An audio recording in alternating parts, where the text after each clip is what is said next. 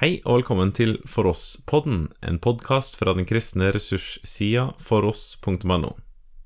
Før episoden introduseres, vil vi gjerne invitere til For oss-konferansen 8.-9. november, hel og hellig, i Oslo.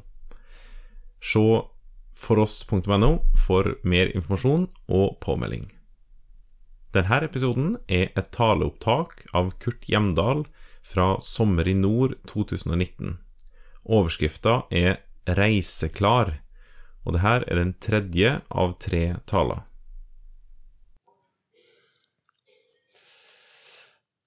I formiddag leste vi fra 1. Tessalonika 4, fra vers 13 til vers 18. Vi fortsetter i kapittel 5, fra vers 1. Men om tider og tidspunkt trenger vi ikke skrive til dere søsken, for dere vet godt at Herrens dag kommer som en tyv om natten. Når de sier fred og ingen fare, da kommer plutselig undergangen over dem, brått som riene over en kvinne som skal føde, og de kan ikke slippe unna. Men deres søsken er ikke i mørket, så dagen skulle komme uventet på dere som en tyv. For dere er alle lysets barn og dagens barn. Vi hører ikke natten eller mørket til. Så la oss ikke sove som de andre, men være våkne og edru. For de som sover, sover om natten, og de som drikker seg fulle, gjør det om natten. Men vi som hører dagen til, skal være edru, kledd med tro og kjærlighet som brynje, og med håpet om frelse som hjelm. For Gud har ikke bestemt oss til vrede, men til å vinne frelse ved vår Herre Jesus Kristus.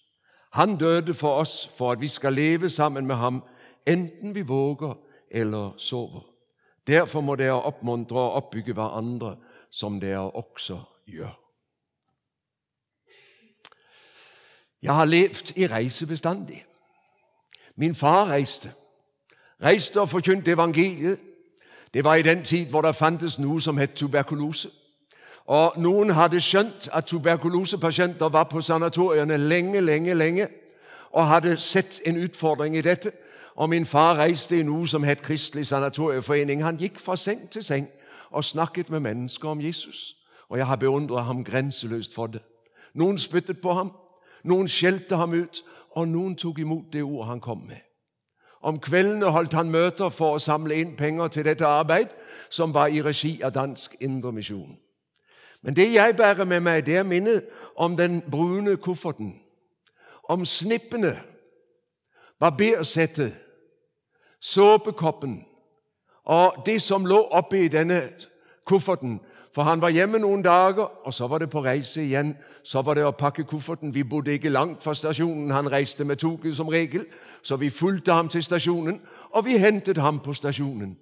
Og Dermed så ble livet bestemt av en reisemodus som igjen var bestemt av hans reiserute.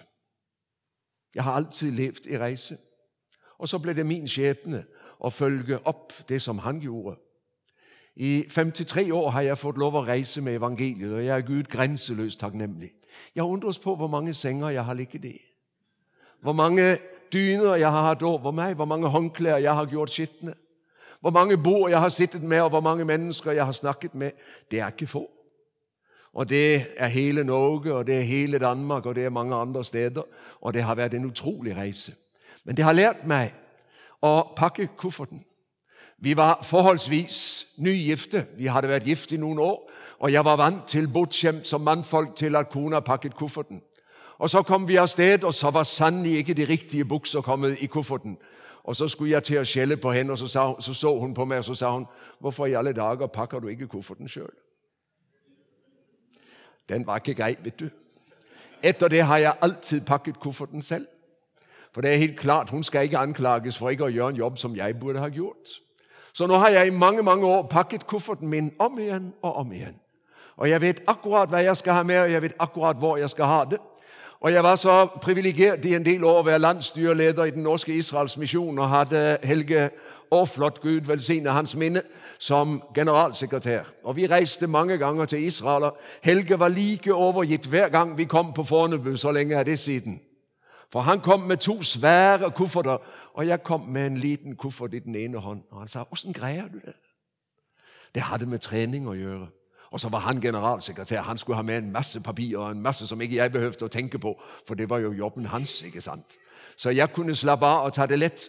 Jeg måtte bare huske å ha rene sokker, rene underbenklær, og så skjorter og bukser og det som trengtes, og naturligvis vaskesakene. Du vet det som hører hjemme på toalettet.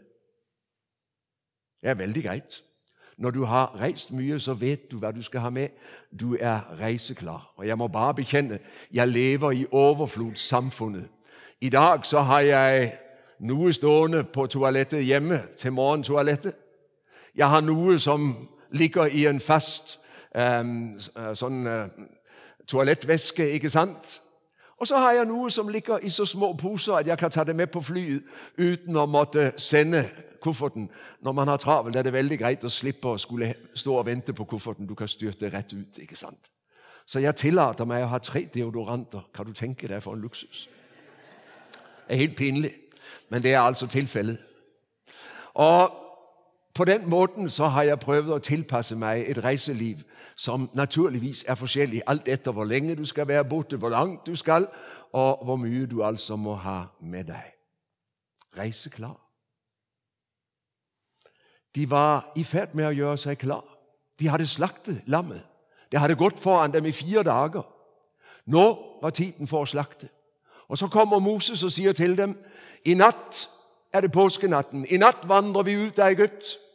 Sørg for å ha belte om lenden, så ikke kjortelen henger ned, så dere kan komme fort av sted.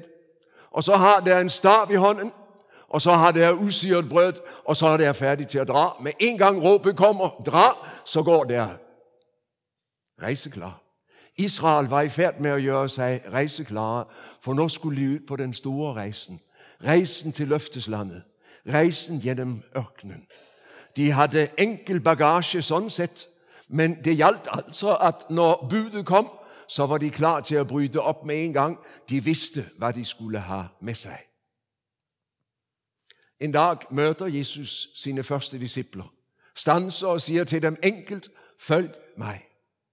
Og De bryter opp, lar båtene ligge, og så følger de Jesus. Og Fra den dagen av så er de konstant reiseklare. For hver ny dag betyr en ny dag på vandring med Jesus. I første omgang i Galilea, så langs Jordan-elven og til Jerusalem. Og så, når de hadde vært påsken i Jerusalem, og mesteren ikke lenger var synlig blant dem, den store reisen. I første omgang holder de seg i Jerusalem, men en dag kom budet. De må ut av byen. Og så er de på vei utover til jordens ender reiseklare. Det gjelder å gå når Herren kaller. Følg meg. Og For disiplene var hver ny dag et nytt reiseavsnitt med Jesus. Enten de gikk noen få kilometer, eller de gikk langt. De var på reise med Jesus bestandig.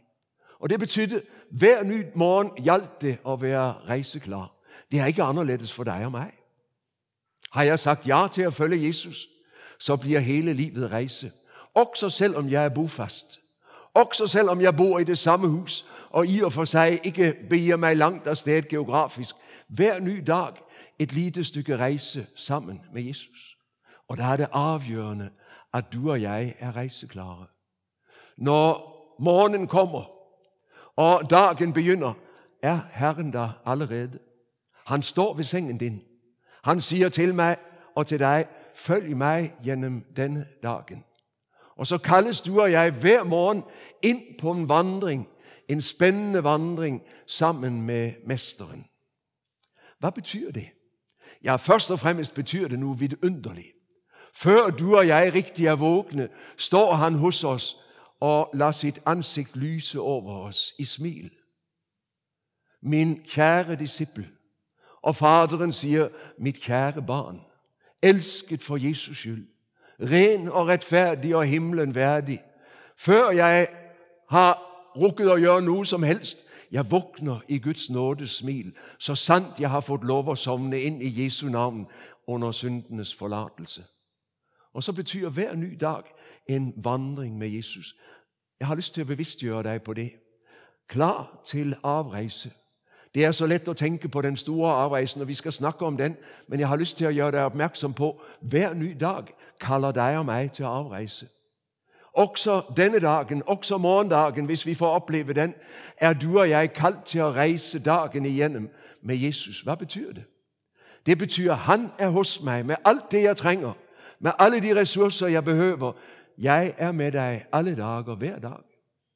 Og For meg betyr det, sier apostelen Paulus i Romerne 12, når han har forkynt frelsen i Kristus og friheten i Kristus, så formaner jeg dere søsken ved Guds barmhjertighet å fremstille, bringe deres legemer som et levende, hellig, Gud velbehagelig offer.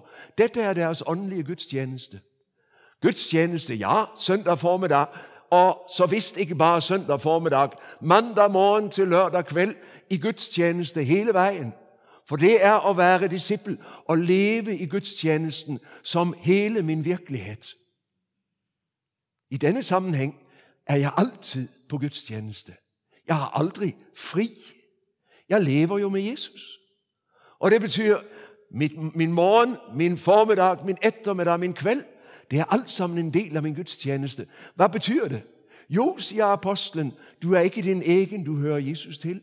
La ham få lov å bruke kroppen din denne dagen. I det han samtidig fornyer deg innenfra. Ikke følg denne verdens skjema, ikke skikk dere like med denne verden, men la dere forvandle ved fornyelsen av deres sinn, står det i Romerne 12,2. Å leve i Guds tjeneste, i takk og glede, og gi seg selv til Herren og si, 'Herre, denne dag er din'. Ta meg og bruk meg som du vil. Fyll meg med din Hellige Ånd. Forny meg innefra og la meg få lov å bære med meg gleden, velsignelsen, kjærligheten, de gode nyheter ut i dagen til de mennesker jeg møter. Hvilken forskjell å møte et menneske som kommer med smil og med varme, og møte et grettent, surt, misfornøyd og misunnelig menneske med spisse albuer. Nei, det er ikke der du og jeg er kalt til å være. Vi er kalt til å være av dem som ved Guds nåde får lov å bringe oss selv ut i tjenesten for de andre. Og Paulus sier det så fint i Efeserne 2,10.: For vi er Hans verk, skapt i Kristus Jesus til gode gjerninger, som Gud på forhånd har lagt ferdige for at vi skal gå inn i dem.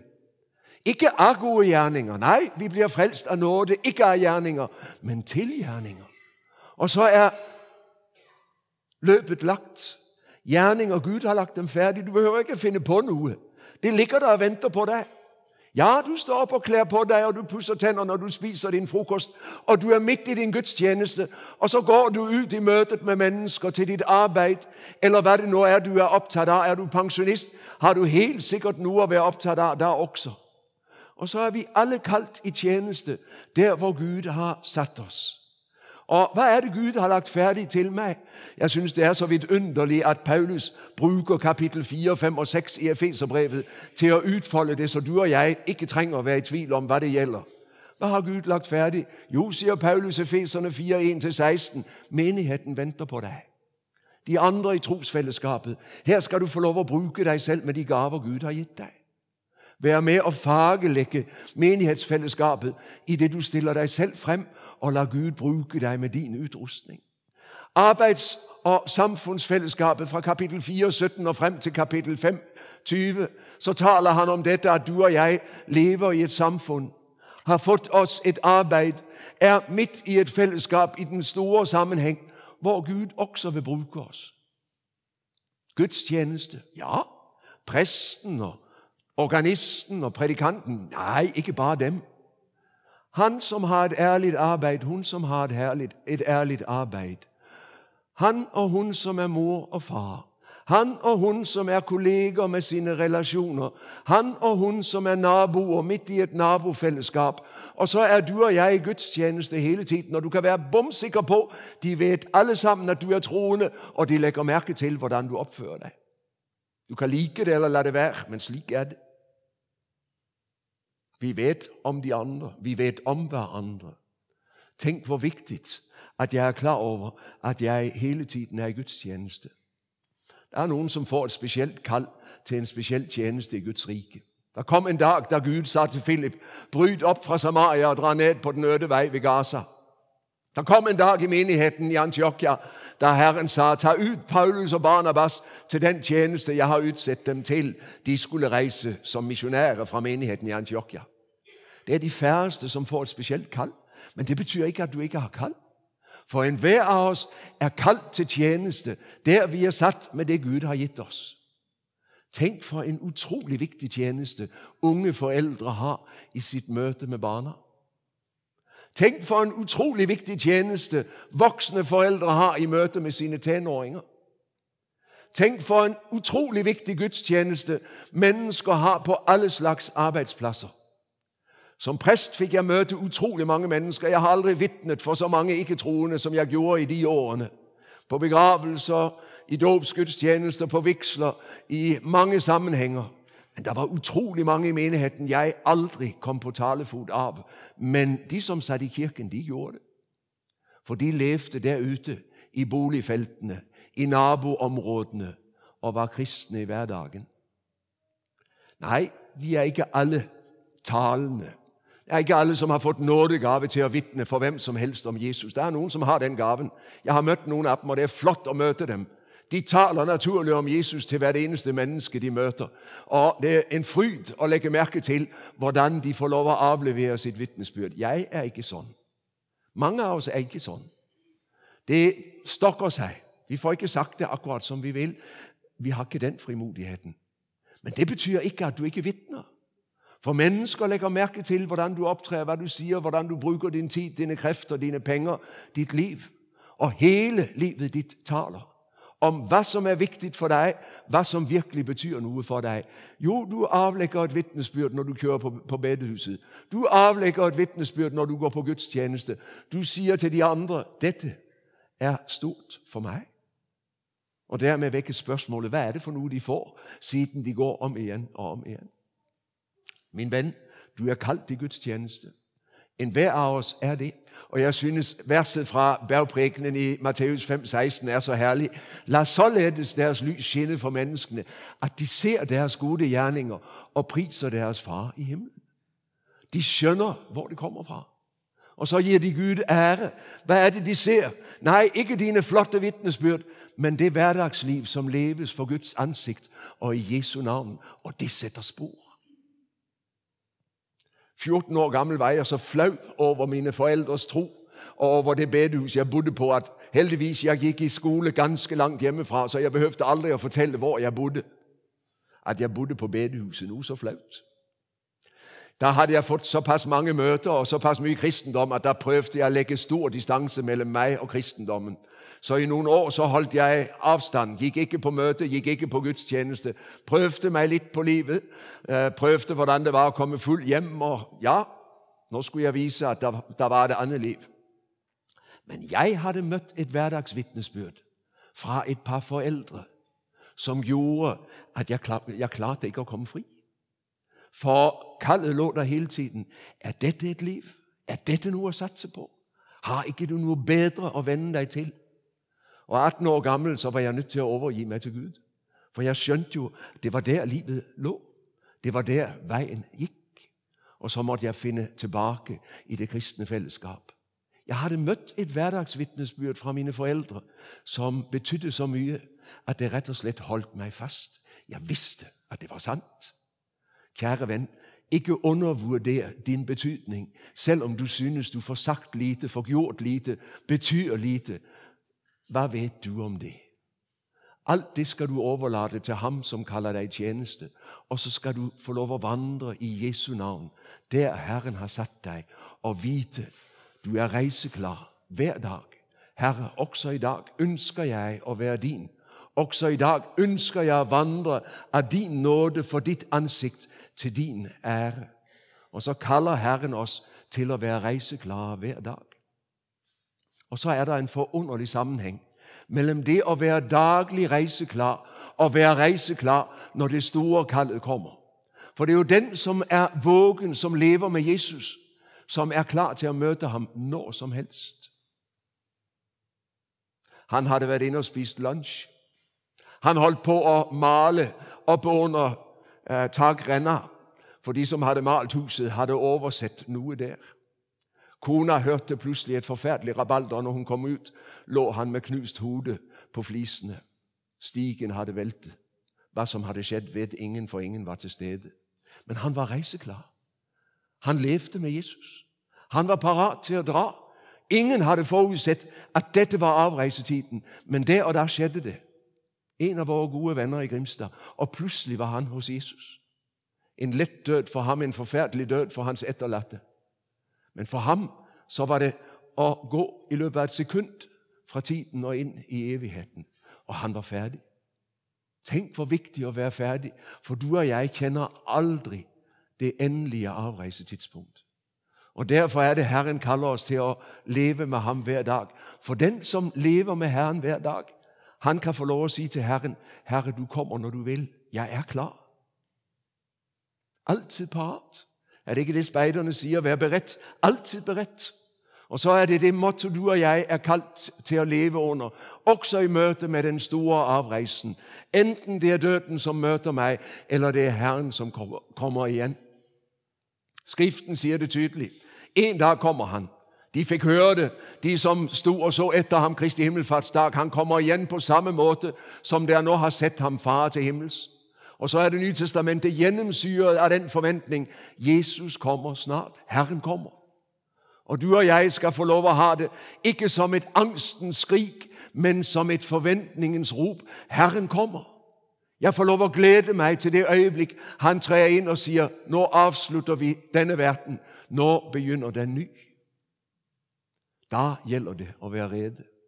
Og da går en linje fra dagen i dag frem til det øyeblikk. For den som i dag er klar til å møte Herren, da kan han komme når som helst. Og det er det du og jeg er kalt til. Fem jomfruer med lys i lampene. Våg derfor, for dere vet ikke når deres Herre kommer. Plutselig står Jesus i døren og sier, 'Vi avvikler. Det er slutt.' Da gjelder det at du og jeg er ferdig. Da får vi ikke sjanse til å tenke. Da er spørsmålet er jeg reiseklar. Den dagen trenger du ikke mye bagasje, for han sier alt er ferdig. Jeg skal få lov å slippe det jeg har i hendene, og så følge med ham inn til festen og gleden. Det store spørsmålet er er du klar til det.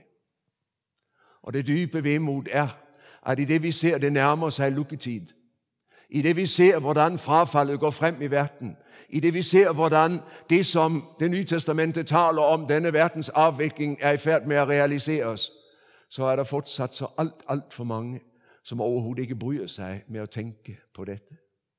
Og det er det store livsalvoret. For Skriften sier veldig tydelig det går an å komme for sent til festen og til gleden. Det er noen som på den dagen vil stå utenfor og banke på og si, 'Herre, lukk oss inn.' Og han vil svare dem, 'Jeg kjenner dere ikke. Vik bort fra meg, dere som øvet urett.'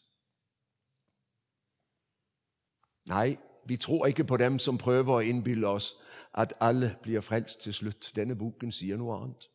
Du kan like det eller la det være, og du kan gjerne prøve å omskrive den. Men så lenge du vil ta den for det den selv sier, for det Herren sier, så står det noe om en bred vei og noe om en smal vei. Så står det noe om frelse, og så står det noe om fortapelse. Og det bør uroe oss alle sammen og sette oss i bevegelse, i bønn og i tjeneste, for om mulig å nå noen av alle dem som vender ryggen til og sier 'Det rager ikke meg, det vedrører ikke meg, jeg bryr meg langsomt'. For du og jeg vet hva det står om. Og Derfor kaller nettopp tanken på den store avskjed og det store oppbruddet oss til å drive misjon, som vi har blitt minnet om i hver eneste samling. Hvem vil gå? Hvem skal jeg sende? Herre, her er jeg. Send meg. Men skal jeg ha noe å gå med, så er det helt avgjørende at jeg selv lever reiseklar. Og Derfor kunne jomfruene ikke gi fra seg av oljen, for hva hjalp det at deres lamper sluknet? Da gikk jo alt i mørket. Og derfor vis mennesker hen til ham som har olje nok for ethvert menneske, om de søker ham i tide. Det er lenge siden jeg har hørt det ord prekt om 'søk Herren mens han finnes'. Kall på ham den stund han er nær. Men det står der fortsatt. Det er lenge siden jeg har hørt noen snakke om nådetid. Men det er en virkelighet ut fra Skriften. Du har ikke nådetid bestandig. For mange mennesker er nådetiden veldig fjern, for de er ikke i nærheten av dette ordet som bærer nåden til dem. Du og jeg er kalt til å dele det med dem. Og det er en del av det å være reiseklar at jeg ikke lever for meg selv, men at jeg nettopp lever for ham som døde og oppsto for meg, og derfor la meg bruke i tjeneste mens jeg er her.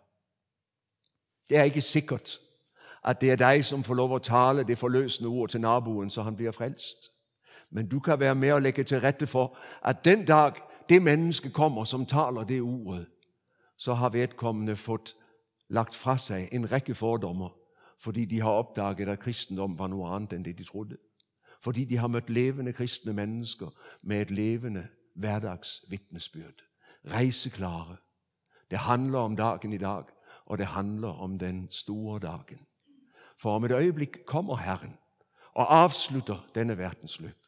Og Skriften sier perioden før han kommer, vil være preget av et enormt kaos.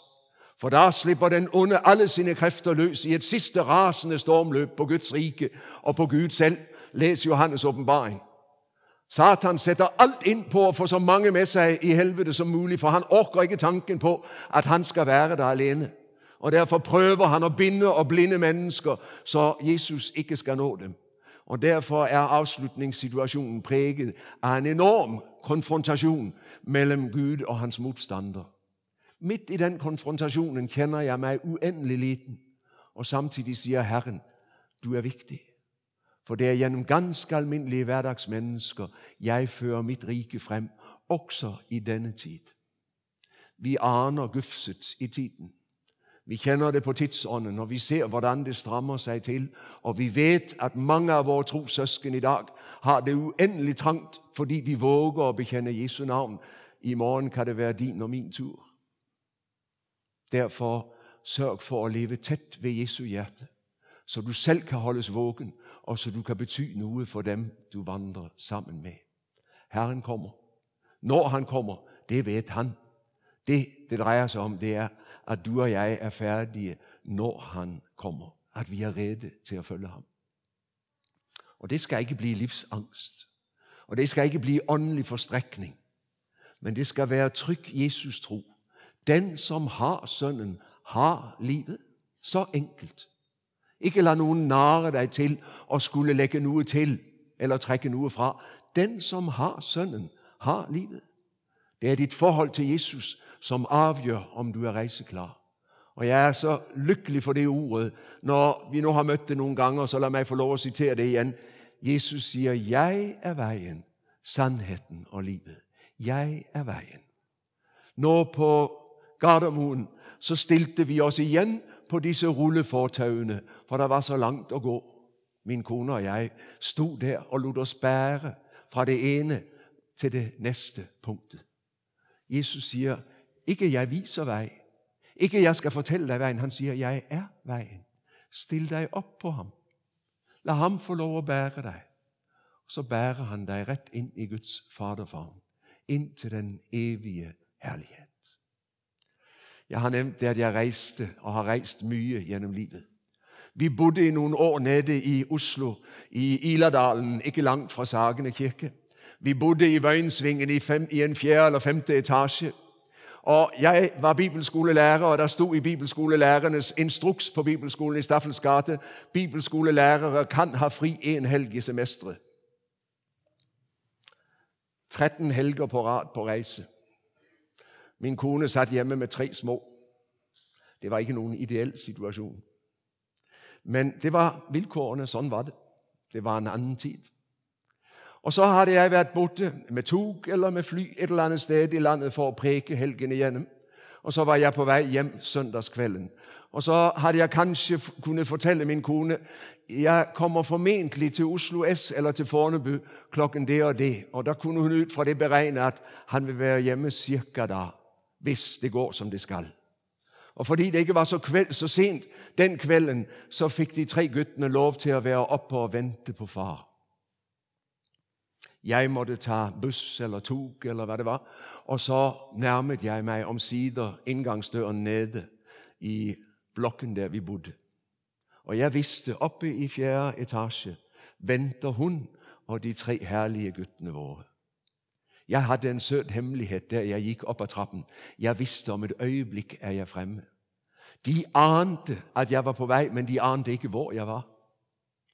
Når jeg satte fingeren på klokken, så hørte jeg et jubelrop innefra. 'Pappa!' Og så var det tre karer som styrtet til døren, og bak dem sto hun og tok imot meg. Han er på vei opp av trappen, min venn. Om et øyeblikk så setter han fingeren på knappen. Da er spørsmålet er du klar til å ta imot ham. Og Herren ønsker at du skal være i den situasjonen at du kan slippe det du har i hendene, og styrte til døren og rope 'Jesus!' Omsider, Herre, nå kom du, og alt er godt. Jeg er gått over grensen. Jeg er i det evige løftes land, som flyter med melk og honning, og nå er jeg hjemme for bestandig. Jeg skal aldri reise mer. Ufattelige dag. Og det er bare et øyeblikk, så er du og jeg der av Guds nåde. Min venn, du er vel reiseklar? I dag er nådens tid. I dag er Gud å finne. Nå kan alvorlig flid hans milde hjerte vinne. Opp, opp til angers gråt, og søk inn til Herren mens det er tid. Herre Jesus, hjelp oss til å være reiseklare, alle sammen, slik at når du trykker på klokken, når du markerer at 'nå kommer du', så er vi parat til å slippe alt for å følge deg. Herre, la vårt hjertes rikdom være deg og deg alene. Amen. Du har nå hørt den tredje av tre taler av Kurt Hjemdal fra Sommer i nord 2019. Finn flere ressurser, vær gjerne med å støtte oss på foross.no.